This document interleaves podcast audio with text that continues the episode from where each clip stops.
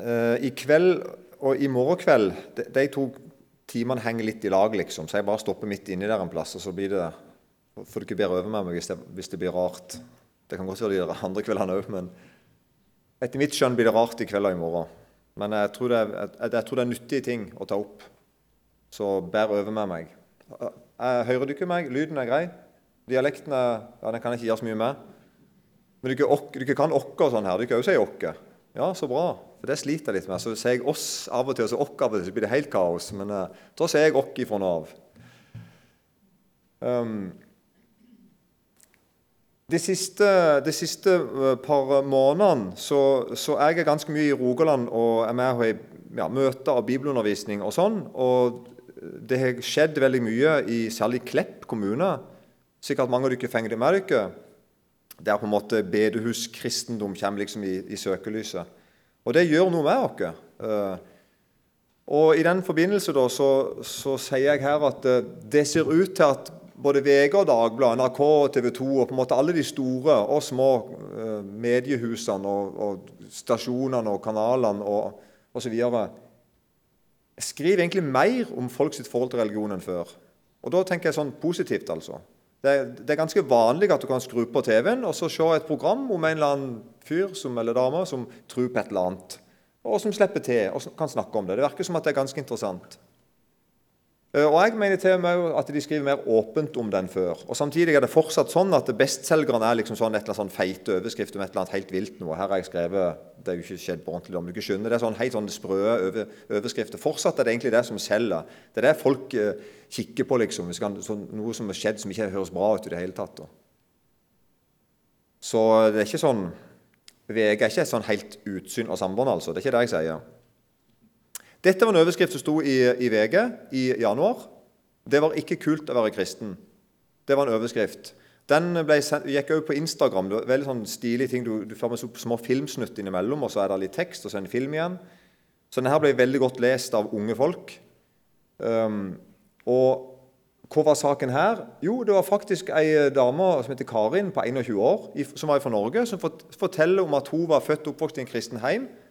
Og når hun ble konfirmant, så bestemte hun seg for å fortsatt være kristen. Det var egentlig historien. da. Egentlig en veldig fin fortelling. Uh, men likevel så, så det nesten negativt ut, altså overskriften da, i, i, avisen. da. Det er ikke kult å være en kristen.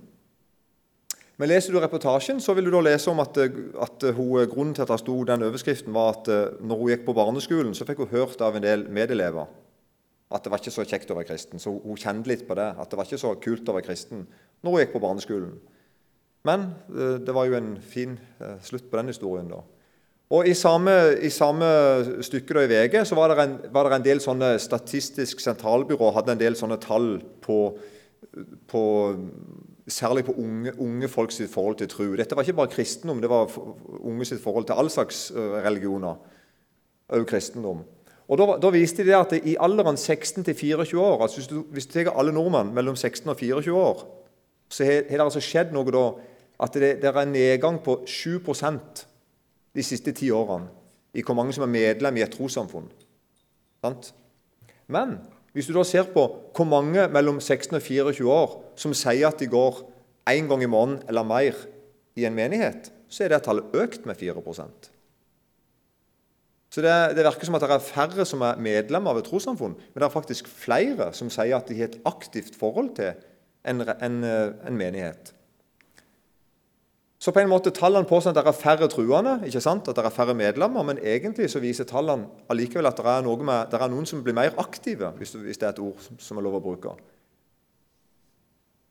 Og det er faktisk sånn i dag at det er mange som ikke er medlem av noe trossamfunn. Jeg er ikke medlem av noe trossamfunn, så nå er jeg over 24 år òg, så jeg hadde ikke bitt meg på denne statistikken allikevel. Men, men altså, det er flere og flere i Norge som ikke er medlemmer av, av trossamfunn, og som ikke blir, engang kommer med i statistikken.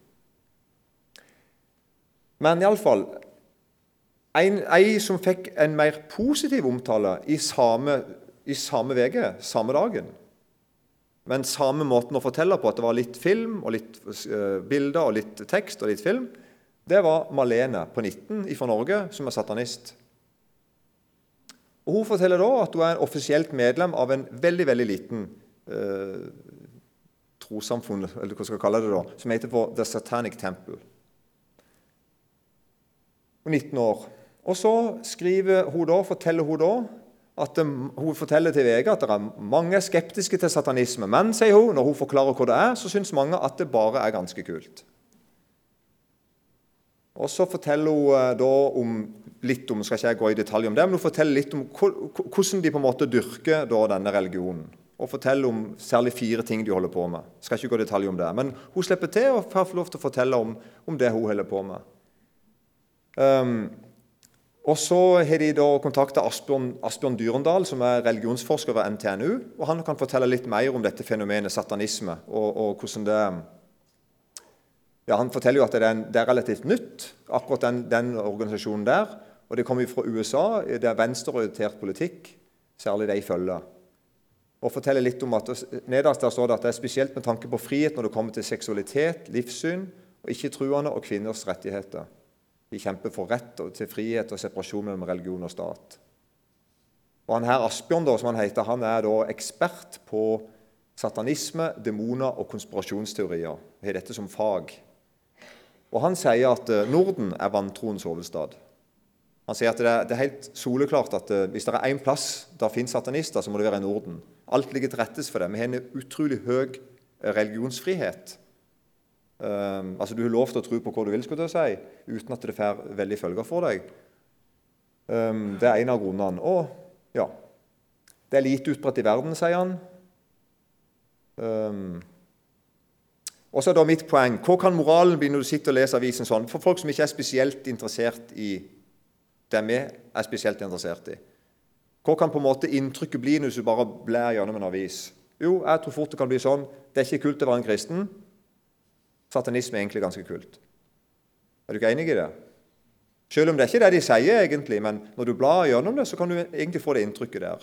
Veldig urettferdig. da, sant? Hun ene som er kristen, og hun tilhører da altså en, en, altså en stor prosent av folk i den alderen går i en menighet fast. Mens hun, eh, hun siste der hun tilhører altså 0,03% i noen land. Så blir det på en måte likevel nesten sammenligna i en avis. Så jeg tror det er en fare med det, at vi kan få et slags inntrykk av at uh, ting ikke er sånn som det er. Og så er det litt interessant, de, VG spør da mer hva er egentlig satanisme. Og Det, det syns jeg var veldig godt det han Asbjørn svarer. For han sier at egentlig så er satanisme en helt vanlig norsk egoist som ikke er kristen. Det er egentlig det han sier. Det er fritt oversatt, det han sier. Satanisme handler egentlig ikke om å tro på den onde og dyrke den onde på den måten. Det handler først og fremst om å tro på seg sjøl og dyrke seg sjøl. Derfor så sier han òg at det er flere som flyter mellom å være satanist eller ateist. For det handler egentlig om å være dennesidig og opptatt av, av, dine egne rettigheter og ditt eget liv og tenke på deg sjøl. Sette deg sjøl først. Egoisme.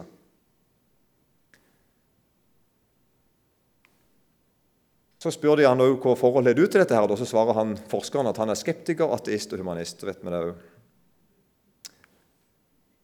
Så Oppsummert så mener jeg at det er bra at det skrives om folk sitt forhold til religioner og, og overbevisninger. Og jeg tror til meg kanskje at media er mindre redd i dag, mindre sånn fordommer synes jeg, enn før. De kan, de kan, slippe til folk, de kan si hva de tror på, også kristne. Det tenker jeg. Og så er det jeg, mye mørketall. At flere og flere kristne, flere og flere kristne møtes på stedet Statistisk sentralbyrå ikke kjenner til. Så tallene lyger litt, på en måte. Det kan kanskje bare være bra på sikt. Men jeg mener helt bestemt at det ser ut til at totalbildet av en helt vanlig nordmann som leser litt på nett og eh, er litt på Facebook og ser litt på TV og snakker litt på Priksen med naboen altså Helt sånn helt vanlig nordmann får et, tror jeg, et bilde av at uh, en blir mer og mer skeptisk til kristne. Det er en del tall som tyder på òg. Og faktisk ser det ut som at en del mediedekning gjør at mange i Norge får en Ikke bare sånn at de ikke liker kristne, men de aktivt ikke liker de. Altså misliker de. Kan nærmest tenke seg å kanskje ta i et tak for å få slutt på det, liksom. Litt sånn. Og da, altså I januar 2021 så ble jeg kjent med at, ble jeg kjent med flere politikere i Norge sitt forhold til vanlige bedehus i Rogaland. Og Det er veldig interessant. Sånn så det ut i avisen Dagen. Kommune foreslår å strupe støtte til konservative bedehus. Det er en veldig, jeg vet ikke hvem som har funnet på det uttrykket konservative bedehus. Jeg vet ikke hvordan de ser ut en gang, men jeg, jeg, aner hva de mener. Um, og Dette er altså fra Klepp, der de foreslår, å gi konservative forsamlinger to valg. Enten snu i samlivssyn eller mist pengestøtta. Jeg har vært på de bedehusene det gjelder, og snakka med ungdommene på den, på den ungdomsgruppa det gjelder. Sånn sier ordføreren i Klepp, Sigmund Rolsen. Han sier det til dagen 6.1.2021. Jeg er i utgangspunktet veldig skeptisk til denne typen organisasjoner. Nå snakker jeg om NLM, IMF, Nordmisjonen, NMS. Det har vi også sett på, NRK Brennpunkt. At det er så lukka miljø at det er helt skremmende hvis du kommer på innsida, sier Rolsen. Det er et ordrett sitat. Så er det en annen en som heter Bjarte Vågen, som jeg ikke har møtt, tror jeg. Men eh, jeg, eh, han, jeg siterer det som står i avisen. Han, han svarer da eh, noen, noen dager senere i samme avisen og sier en stor skjerpings til ordfører Sigmund Rolfsen for å dra sammenligninger mellom det kristne arbeidet på Klepp opp mot NRK Brennpunkts dokumentar om en sekt som overhodet ikke ligger på det kristne arbeidet som foregår på Klepp. Og Da mener jeg altså jeg at da har det der skjedd. Altså, Det ser ut til at helt oppegående, fine folk mener helt oppriktig at et bedehus i Klepp kan sammenlignes med sekte vist på en TV-dokumentar. Og jeg tror helt ærlig, helt ærlig at det til og med nå, i dette tilfellet selveste ordføreren i Klepp, har fenger akkurat det inntrykket av media generelt. Han kan iallfall ikke ha fått det på bedehuset hvis han hadde vært der. Det, jeg tror ikke det. Helt ærlig. Jeg tror ikke han hadde fått det inntrykk hvis han hadde vært med på det arbeidet som han nå selv sammenligner med Brennpunkt. Men media har gitt han på en måte en slags inntrykk av at det er sånn det er. liksom. Og så blir det dratt slutninger. Og så er det sånn at Akkurat på Klepp så viser det seg at ordføreren og de som er enige med han, faktisk får folk imot seg, sånn som det ser ut nå. Det viser seg at det er enormt mange på Klepp som, stiller, som, på en måte støtter bedehuset og sier at nei, dette her, eh, dette finner vi ikke i. liksom. Jeg vet ikke hvordan det går, jeg vet ikke om det har vært høringsuttalelser. Jeg, vet, jeg, faktisk ikke, jeg kunne jo ha ringt i dag og hørt om de var ferdige. eller jeg vet ikke hvordan, Er det noen som har hørt det? Det er jo noe som blir behandla nå i disse dager, vil jeg tro. Og da mener jeg at her er noe som er viktig. Nå må bedehuset, altså nå må, nå må vi som føler oss ramma av dette her, vi som føler oss i slekt med dette som skjedde på Klepp, kjenner på at dette kunne ha skjedd her òg, liksom. Vi som kjenner litt på det. Nå må ikke vi gå i samme fella og tenke at norske politikere generelt hater bedehus og den type kristne. For òg det er et medieskapt bilde. Sant? Medie, medie, de fleste aviser og, og TV-kanaler de elsker å lage opp en konflikt mellom en ordfører og en kristenleder på et bedehus. ikke sant? Det selger jo som hakka møkk. Kan man ha debatter om det, og leseren legger om det, og så, så kan andre sitte og si uff, se på disse folkene her og noe sånt. Så nå må vi òg tenke riktig. Vi, må, vi kan òg få et bilde av at ingen politikere liker bedehus, liksom. Det er jo ikke sant. Så her må vi besinne oss, vi òg, da. Og norske politikere, da tenker jeg både lokalt i kommunepolitikk her og der, og òg på Stortinget Norske politikere har liten kunnskap om religion. Og de henter holdninger sånn som folk flest de får Facebook og TV-serier og sånn.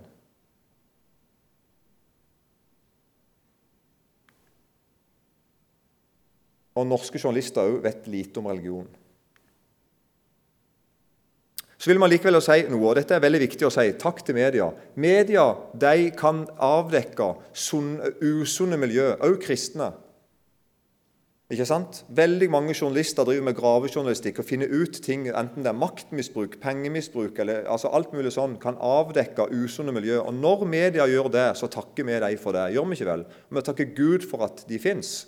At det er noen som kan stå opp imot ting som er urett, som er galt, som er ulovlig, som er krenkende osv. Derfor er det også sånn at Et miljø som blir kritisert, kan oppleve det positivt. Da jeg faktisk snakka med en leder i en, i en, norsk menighet. De fikk veldig kjør i media et år for, et, for ting de holdt på med. Og når jeg snakket med det et par år etterpå og spurte om hvordan går det, sa han jeg, jeg takker Jesus for den journalisten. Fordi at Han setter fingeren på noe som vi hadde, vi hadde, veldig godt av å gå og tenke oss om.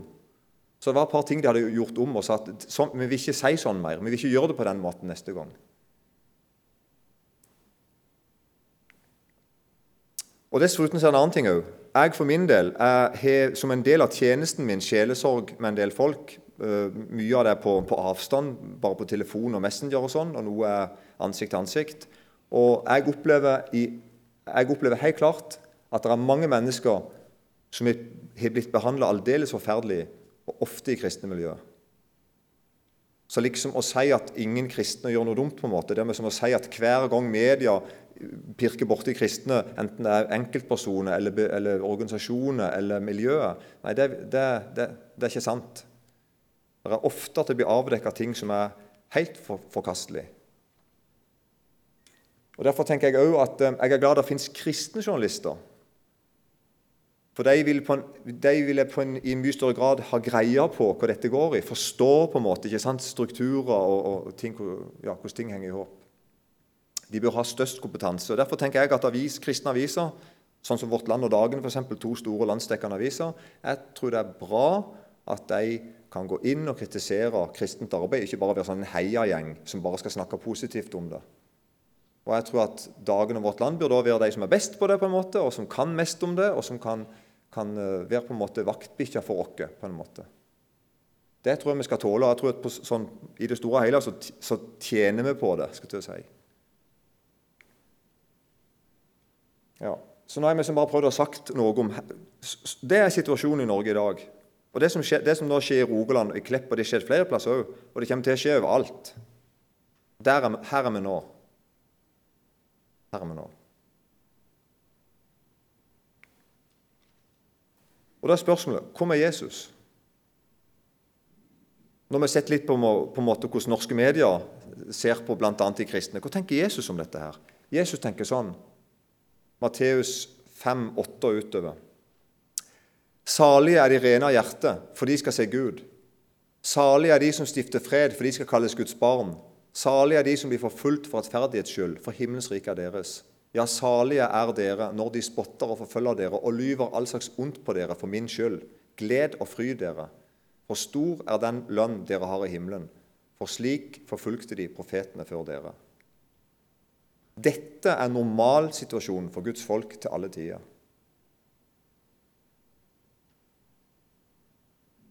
Hvis du befinner deg i en situasjon som er annerledes enn den som du har beskrevet, så befinner du deg i en unormal situasjon. Unntaks, en unntakssituasjon er det som er normalen for kristne. Til alle tider, i alle land. Og Selv om det er sånn at vi skal slåss imot, uh, selv om det er sånn at vi skal, vi skal slåss imot forfølgelse, vi skal, vi skal, prøve å legge til rette for at folk skal få lov til å, å tro på Jesus i, i, uten å bli forfulgt Vi skal slåss mot det som samtidig være realistiske. Kristne er den mest forfulgte gruppa i verden, òg nå. Det er ingen andre gruppe, fellesgruppe, på en måte, gruppe, sånn som hvis du tar de kristne som er gruppe. Ingen blir, blir så mye forfulgt som deg. Og Jesus han sier når verden hater dere, da skal dere vite at den har hatt av meg før dere. Johannes 15, 15 18. Var dere av verden, da ville verden elske sitt eget. Men fordi dere ikke er av verden, men jeg har utvalgt dere av verden, derfor hater verden dere. Husk det ordet som jeg sa til dere. En tjener er ikke større enn sin herre. Har de forfulgt meg, vil de også forfølge dere. Sånn snakker Jesus til dere. Og Det er som en krasj der i Matteus 5,9 vi leste i stad. Salige de som stifter fred for de skal kalles Guds barn. Det er den ene, det er den ene saligprisninga. At de kristne de, altså, stifter fred. Og så kommer neste. da, Salige er de som blir forfulgt for rettferdighets skyld. Og Jeg syns nesten at det er en slags krasj der. på en måte. Altså, det, det ene er at uh, salige er de kristne stifter fred, og samtidig de blir forfulgt. Og det er jo egentlig Forfølgelse ofte bråkete. Det tror jeg vi må være enige om. Det, det er litt bråkete. Så på en måte, er, her, Ser dere det er sånn en krasjer, på en måte. Vi er, vi er kjent for å stifte fred, og vi er kjent for egentlig å lage bråk. Hvis, et, hvis, jeg kan få lov å bruke det ordet. Nå er det viktig å merke at Vi skal ikke lage all slags bråk. Det er for rettferdighets skyld. Så nå snakker jeg ikke om når vi bare er kranglefante. Det, det, det teller ikke. Det er ikke meg her. Sant? Her er det snakk om når du ved å følge Jesus ender opp med å bli forfulgt for det, eller lage bråk for det. skulle jeg si. Så det er en veldig sånn ja, Det er veldig rart vi kjenner på Vi kjenner på det hver en, tror jeg, inni oss. Og vi ser det sånn som hvordan det ser ut på utsida. Altså hvordan kristne oppleves både som noen som er veldig fredsstiftende, og samtidig det er noe bråkete med dem. De er på en måte ikke, Vi kan ikke putte dem i lomma, liksom. Det går ikke an å eie dem på en måte, og bestemme over dem på en måte. Så det er som Bibelen taler, og det er her Bibelen er, er, er fantastisk. at Bibelen han tar oss kristne og så putter han rett ned i virkeligheten. Bibelen tenker meg ikke så løfte opp de kristne og så lar de leve i en slags alternativ virkelighet. Med som at de som bare lever med som på liksom på Vigrestad. Og så er det noen andre som lever på ordentlig bevegelse. Nei, Jesus han tar de kristne så putter han de rett ned i livet.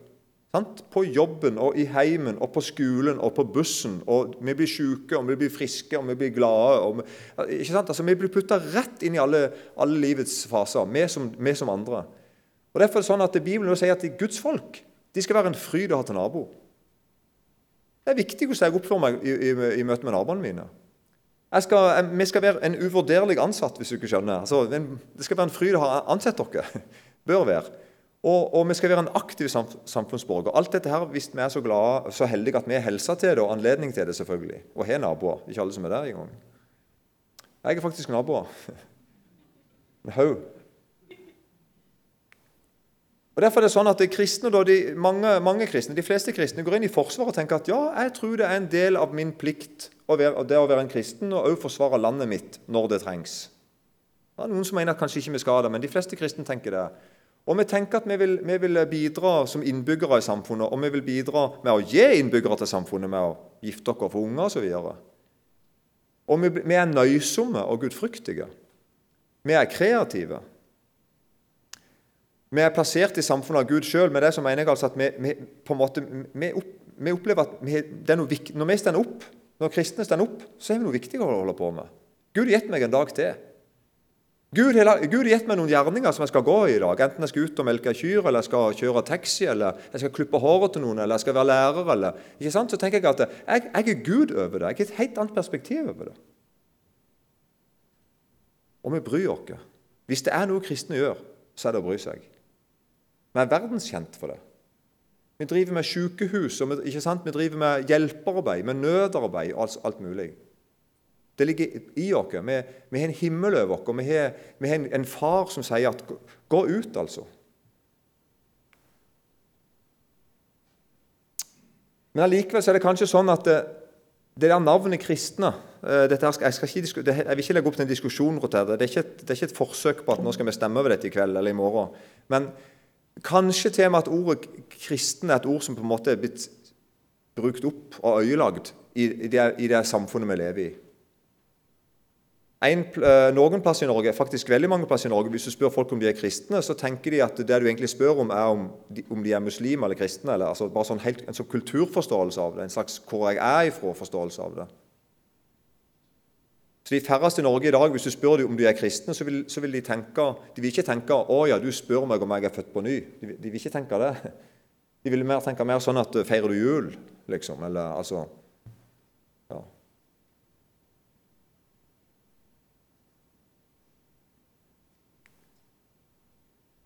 Kanskje begrepet kristendom har så mye bagasje, mye som Guds folk i dag ikke vil assosiere seg med. Kanskje er det sånn. Og Da tenker jeg på sånne, sånne type kristenord som jeg bare kom på sjøl her. da. Men altså, vi har moralkristne og kulturkristne og juletrefestkristne. Har du ikke det her? Uh, jule, juletrefest, altså. Hjemme vi juletrefest. Det er et rart ord, men vi har en fest for juletreet. Og, og, og, og, vi har flertallskristendom. og den, Det er kanskje noe av det verste. Hva skjer når de kristne er i flertall en plass? Veldig ofte skjer det mye dumt da, faktisk. Det er helt ærlig. Når jeg hører om, når jeg hører om tida før jeg levde, jeg er ikke så gammel, men jeg er noen år da. Men før jeg levde, jeg om, da var det en tid der kristne ofte var i flertallet. Sånn, i, sånn i, i, dagliglivet. Og Ofte brukte de det flertallet på en uheldig måte. Ofte så gjorde kristne noe da som vi i dag ønsker at ingen skal gjøre mot oss. Helt klart. Så det er mye i historien som ikke jeg syns er så veldig mye å skryte av, og, og, og, og som, ja, skryte av å se hva vi fikk til. Men òg sånn, f.eks. moralkristendom og kulturkristendom. Det, det, er mye fint med det, altså, men det, Det vi snakker om, er jo en levende kristendom. Det er jo å være født på ny. ikke sant? At Gud er min far, at jeg er hans barn, at Jesus er min bror. Det er noe helt annet enn vi som har moral. Det er fint med moral, altså, men vi snakker jo noe annet, ikke sant? Og kanskje det må ha et annet navn enn kristendom etter hvert. Jeg vet ikke jeg. Hvis du ikke skjønner hva jeg mener. Og Jesus sine største fiender, og Jesu venner sine, men også Jesus sine, men Jesus sine venner sine største fiender, det kommer som regel alltid fra det samme miljøet som de sjøl. Altså det er religiøse krefter. Og Med største fiende så mener jeg den som har størst mulighet til å skade oss mest. Altså De som virkelig kan skade meg, de kommer stort sett fra litt sånn likt miljø som meg. Et religiøst miljø. altså det, der, de, der de har litt av samme tankesettet og snakker litt sånn som meg, og kaller seg gjerne kristne. Sånn er det alltid vært. Bare les fortellingen om Jesus. Hvem var det som var ute etter han hele tida? Det var de religiøse.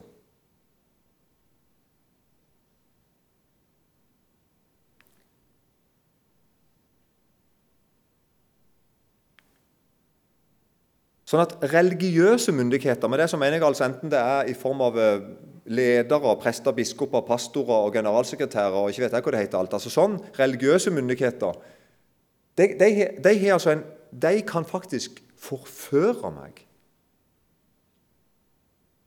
Er du ikke med på den? De har, en, en, makt over meg, en myndighet over meg og deg. At de kan forføre oss. Men det som mener jeg altså at vi mister Gud. Vi mister Jesus. Jesus advarer og sier at han sier til dere at, at det, altså, den som forfører en av mine minste små Det var bedre at det, jeg vet hva han sier, det var bedre at det ble hengt en kvernse rundt halsen på dem og søkt i havets dyp. Det er altså noen som har en makt til å forføre oss, og det er ikke hvem som helst. Det er som regel alltid folk som er, gir seg ut for å være på en eller annen måte religiøse. Og Så begynner vi å høre på religiøse stemmer i stedet for kristne stemmer, hvis det er en forskjell. Eller vi begynner vi å høre på religiøse og moralske stemmer og filosofier, og hva det måtte være, i stedet for å høre på Guds stemme. Derfor skrev jeg her at religiøse myndigheter kan forføre oss, de kan villede oss. Og kristendommen har ført mange bort ifra Gud. Da snakker jeg altså om kristendom altså som i en feilslått forståelse av det. Og det er jo det verste som kan skje. Hvis det er noe jeg ber om for mitt liv, så er det det. Kjære Jesus, la meg ikke være en som har fått ett menneske, eller flere, da, men at jeg, ikke, at, at, jeg være at jeg skal være en sånn en fyr som får noen til å slutte å tro på deg, Gud. At jeg skal bli et så dårlig eksempel for hvordan det er å høre deg til, at folk sier at hvis, hvis det er sånn det er å høre ham til, så gidder ikke jeg.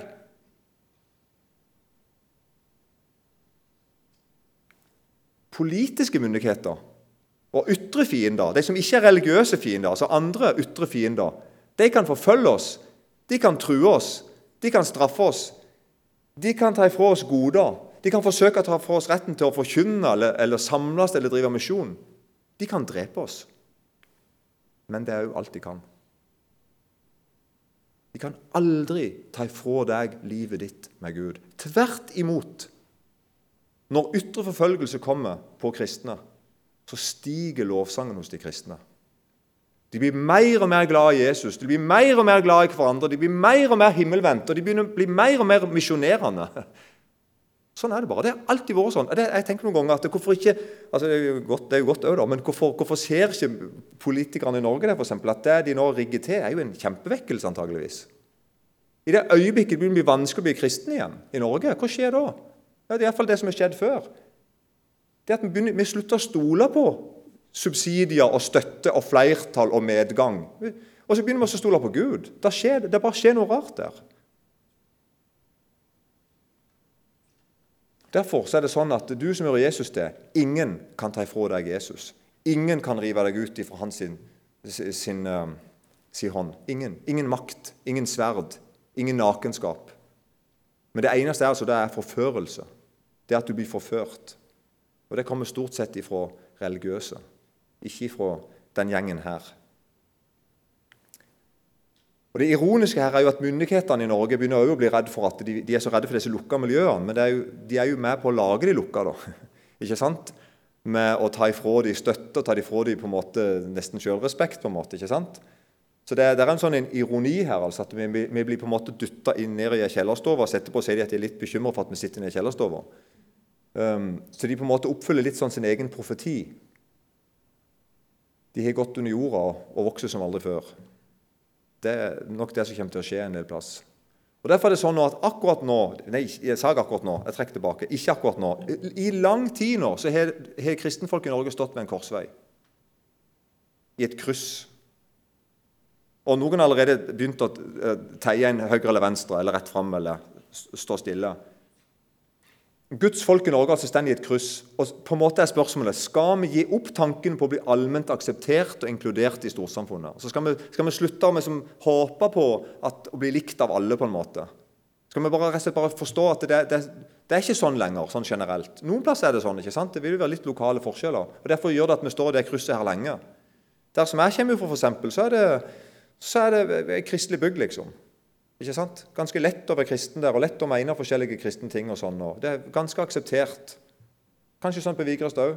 Jeg har ikke vært her før, men eh, jeg blir ikke for overrasket hvis det er sånn. I hvert fall. At det, er sånn, det er ikke sånn helt sånn at du må gå og gjemme deg fordi du skal på misjonsforening. Skal vi innse at vi lever i et av verdens mest sekulære land, og at det derfor er en fantasi å tro at alle kan akseptere oss? på en måte? Og forresten, hva er gevinsten i at alle liker det du holder på med? Det må vi også sjekke. Hvor, hvor, viktig er det at alle, alle skal like det jeg gjør? Eller enda bedre spurt hvor mye må du betale for å bli allment akseptert? Hva koster det, liksom?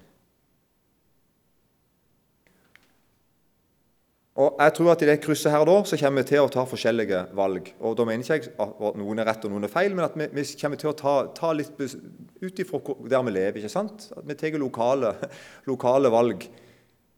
Um, noen kommer til å forsvinne helt ifra offentligheten.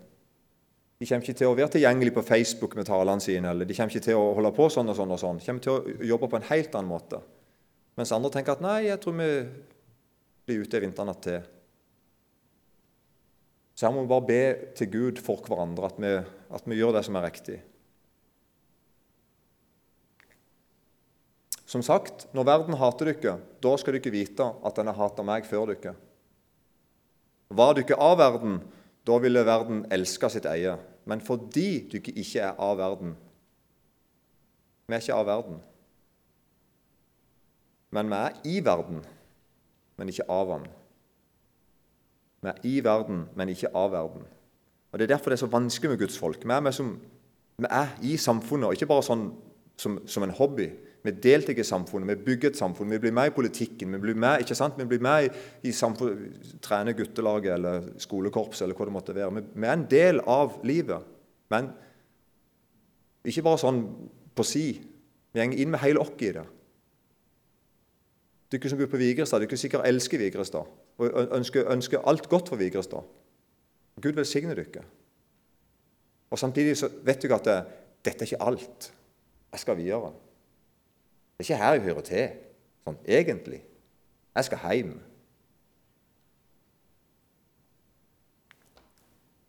Så vi blir på en måte litt sånn vandrende selvmotsigelser. Er dere her, eller er dere ikke her? Lager dere fred, lager dere bråk? Er det bra å ha dere til nabo, eller er det litt skummelt å ha dere til nabo?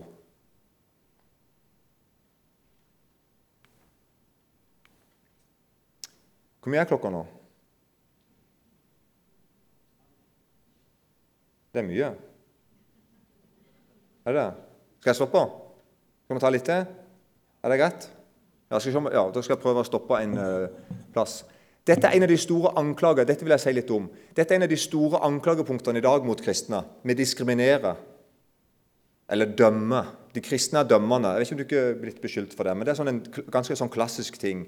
Og ganske sånn lett, lett å si, og litt sånn vanskelig å, å komme, seg, komme, seg, ut av. Du ikke dømmer, nei, det gjør vi ikke. liksom. Det blir sånn, ja, og Da bare hopper jeg elegant over det inkonsekvente i dette. her. F.eks. at hvis ikke du inkluderer, så skal, fryse, så skal, vi fryse dere ut. Det er jo en veldig Ja, det høres ikke så veldig inkluderende ut, det heller, da.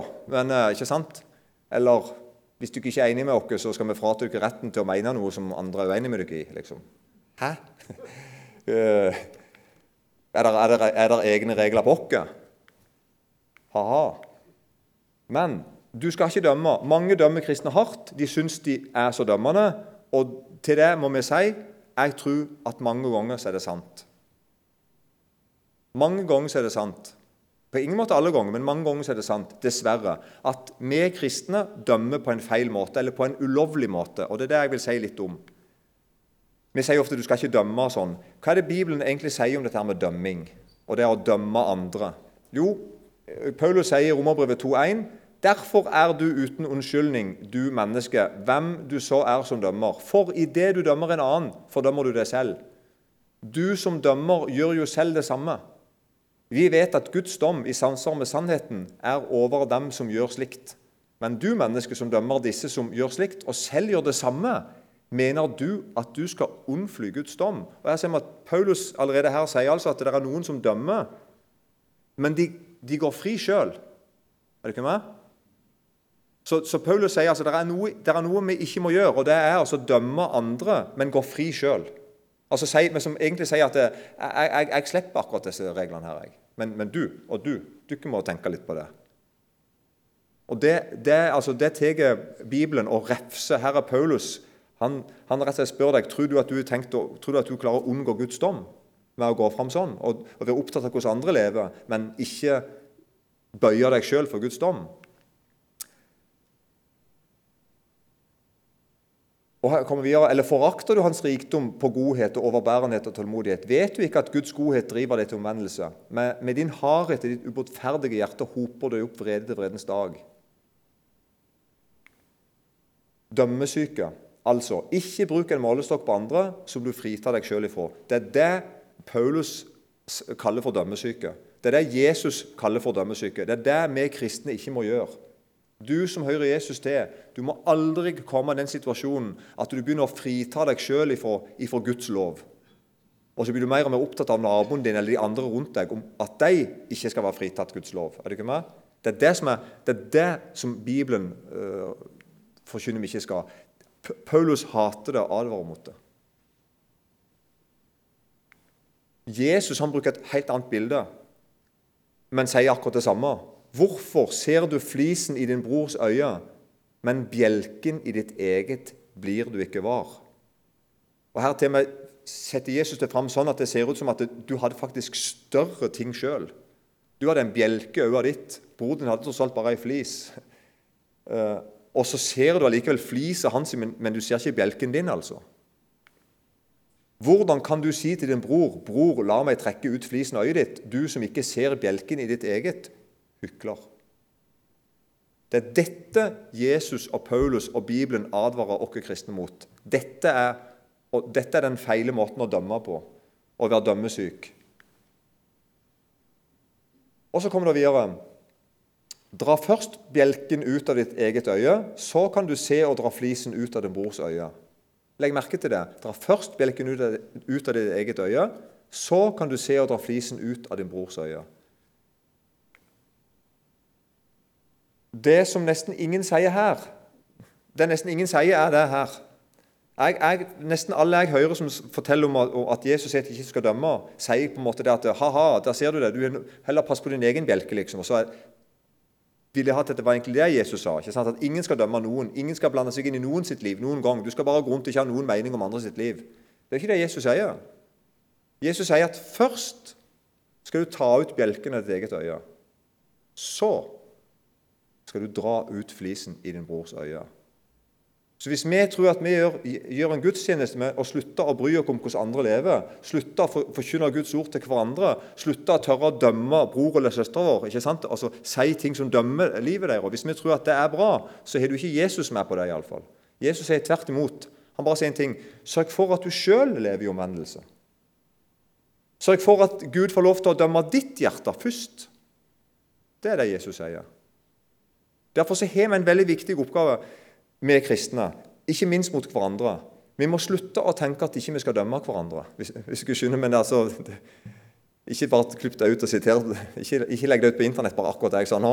Men jeg, men jeg mener likevel i den konteksten jeg sier nå Hvis jeg har en bror som sier om, som, Hvis jeg har en kristen bror som kjenner meg godt og sier jeg skal ikke bry meg om noen ting hvordan Asbjørn lever, da er jeg en dårlig bror.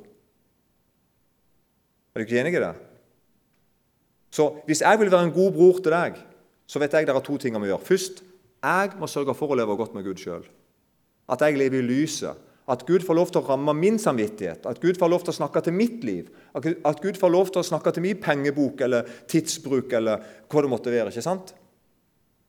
Og så gi meg nåde da, og, og, og omvendelse og nytt liv. Og så at jeg er like interessert i ditt liv. Og Da kan jeg stå der som en synder på siden av deg på en måte, og si at jeg, jeg står ikke der og hoverer. Jeg har akkurat hatt en bjelke i mitt øye, og nå skal jeg bare være med og dra ut flisen av ditt.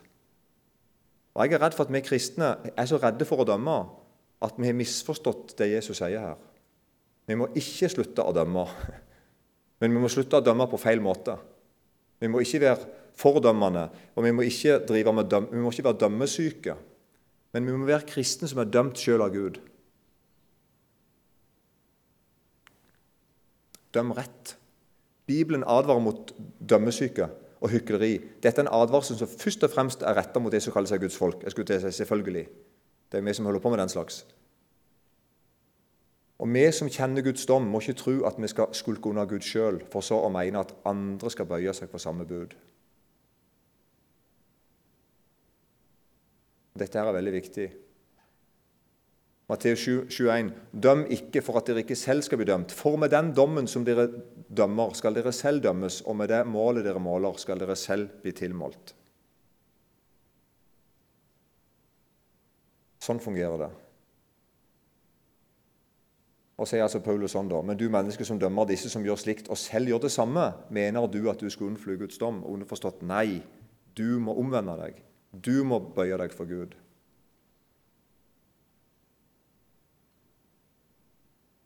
Tror bare at jeg stopper der. Jeg skal bare si, Dette skal jeg fortsette på i morgen. Jeg skal bare si det nå, og så fortsetter vi i morgen. Nå er vi altså inne på en av de største syndene i vår tid blant kristne. Dette er min påstand. Denne står på min, på min regning. Men jeg, det mener, dette er min sånn hellige overbevisning. Kristne velger å ikke være lydige mot Gud. Det er synd nummer én av de to syndene jeg skal nevne nå. Jeg opplever det som en helt vanlig ting blant helt vanlige kristne norske. At de velger å gjøre ting som de egentlig sier jeg tror kanskje ikke det er riktig, men vi gjør det for dem. De velger å ikke være lydige mot Gud. Jeg tror kanskje jeg skulle levd på en annen måte, men jeg gjør det ikke. Jeg bare gjør sånn allikevel. Og så kan du kanskje vise til at det er mange som gjør det, eller alle gjør det samme, eller noe sånt. Så kommer synd nummer to. Samtidig så pålegger vi andre å være lydige mot Gud. Og Det er nå det begynner å se ufyselig ut for folk utenifra. Når de faktisk ser at du ikke respekterer Guds ord. Du bøyer deg ikke for Guds ord på noen områder. Ikke på, selvfølgelig på noen gjør du, de som feller deg lett. Men på de områdene som er vanskelig for deg, når du, møter, når du syns det er vanskelig å bøye deg for Gud i ditt liv, du som hører Jesus til å kalle deg kristen og går i en kristen forsamling, så merker da plutselig noen ikke-kristne rundt deg at da har du en tendens at du, du vil ikke bøye deg for det. Og Da blir det veldig rart for deg å se at du går til andre folk og mener at de skal leve sånn og sånn og sånn, og ikke leve sånn og sånn og sånn. Så her er det noe som vi daglig må vende oss ifra. Men det er en helt annen ting å ikke, Vi kristne er ikke perfekte. det er ikke det vi snakker om her. Jeg snakker om at kristne som velger å ikke være lydige mot Gud, velger å gå inn i, i forhold, velger å gå inn i situasjoner som er i brudd med Guds ord. Kjære Jesus, velsigna deg, jeg har sagt. Du så hvordan det ble. Takk for folkene her. Takk for Vigrestad. Det med at du må være med oss videre. Amen.